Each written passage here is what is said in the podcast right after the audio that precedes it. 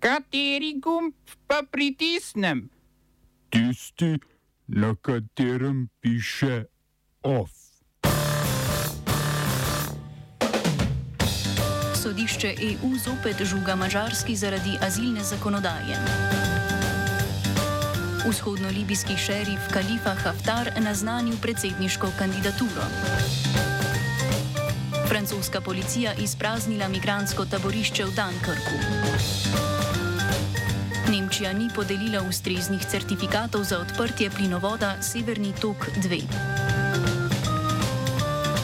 V kulturnih novicah pa Plečnikov stadion še pet let pečečnikov talec.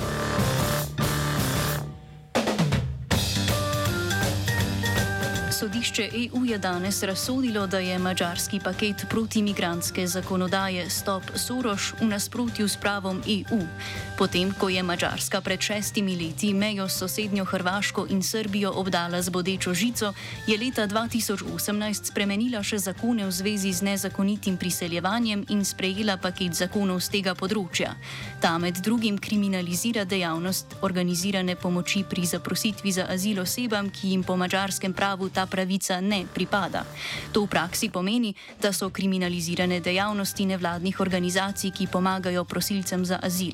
Sodišče EU je sicer že konec lanskega leta odločilo, da je mačarska zakonodaja o tranzitnem območju ob meji Srbijo neskladna s predpisi EU. Ker mačarska do lanske razsodbe zakonodaje ni ustrezno spremenila, je Evropska komisija prejšnji teden zahtevala, da sodišče EU mačarsko oglobi.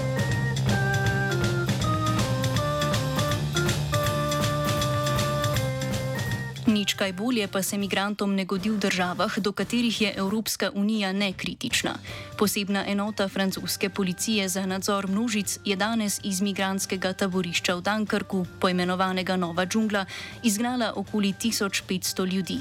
Ime Nova džungla se nanaša na nekdanje taborišče džungla v Kaleju, kjer je od do leta 2016, ko je francoska policija s sozivcem in vodnim topom nasilno pregnala migrante, neprestano bivalo okoli 10 tisoč ljudi.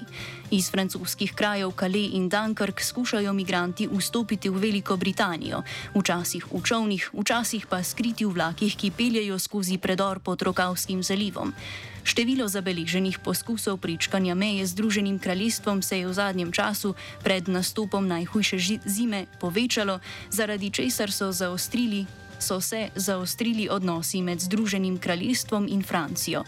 Notranja ministra obeh držav sta sicer včeraj dosegla dogovor in ponovila zavezo, ki so jo je ki sta jo dala julija letos, da bosta v 100-odstotni meri zaustavila čovne, ki skušajo prečkati mejo. Današnji pregon ljudi iz nove džungle se zdi kot prvi korak k uresničitvi tega dogovora.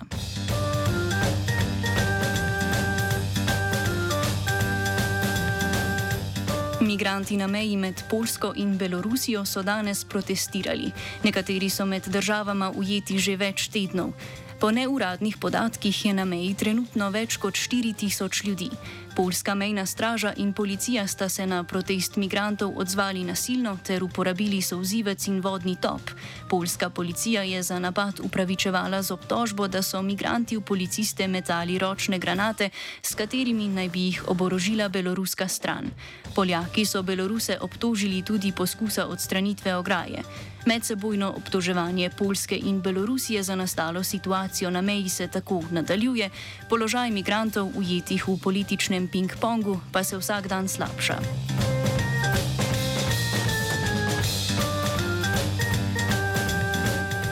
Nemška agencija za energijo je začasno ustavila postopek za dodelitev dovoljenja za odprtje plinovoda Severni tok 2.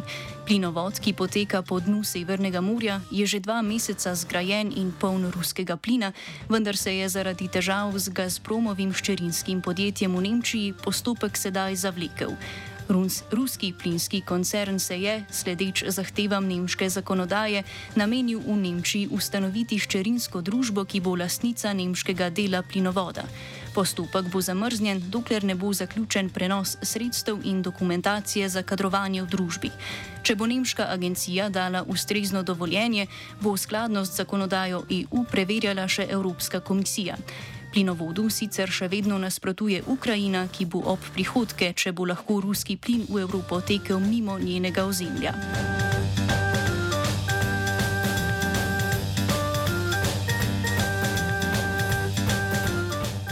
Selimo se na Balkanski polotok. Kosovska vladajoča stranka Samo opredelitev je tudi v drugem krogu lokalnih volitev utrpela poraz.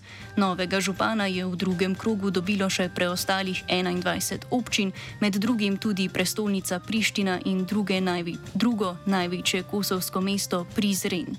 Novi župan Prištine bo arhitekt Perpati Mrama iz opozicijske demokratske lige Kosova, ki je z dobrimi 51 odstotki glasov ugnal proti kandidata iz vrst samoopredelitve Arbena Vitija.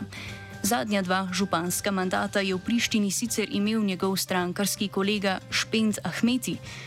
Končni izid volitev je vladajoči stranki premjera Albina Kurtija namenjal županski stolček v štirih občinah, torej eni več kot na prejšnjih lokalnih volitvah. Sicer so imeli županske kandidate le v 12 od 38 občin. Vseeno je stranka na lokalnih volitvah prejela občutno manj glasov kot na februarskih državnozborskih, ko so ji voljivci izkazali več kot 50 odstotno podporo.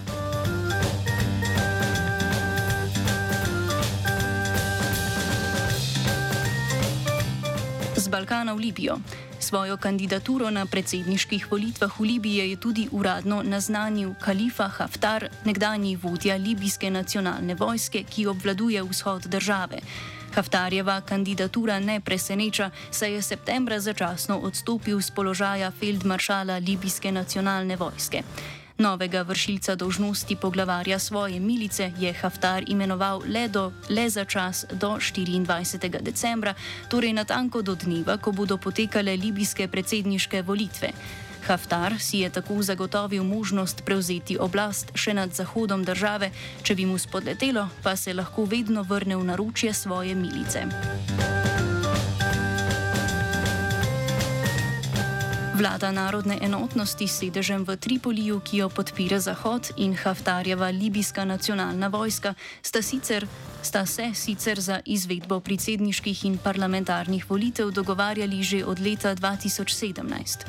Lani sta sprti strani pod budnim očesom mednarodne skupnosti naposled dosegli dogovor o izvedbi prihajajočih volitev. Dva dni pred Haftarjem je svoje predsedniške ambicije uradno naznanil tudi Saif al-Islam Gaddafi, sin nekdanjega libijskega diktatorja Muammerja Gaddafija. Po padcu in smrti očeta je bil Gaddafi mlajši v Libiji šest let zaprt. Še vedno mu na mednarodnem kazenskem sodišču v Hagu preti obtožnica za vojne zločine.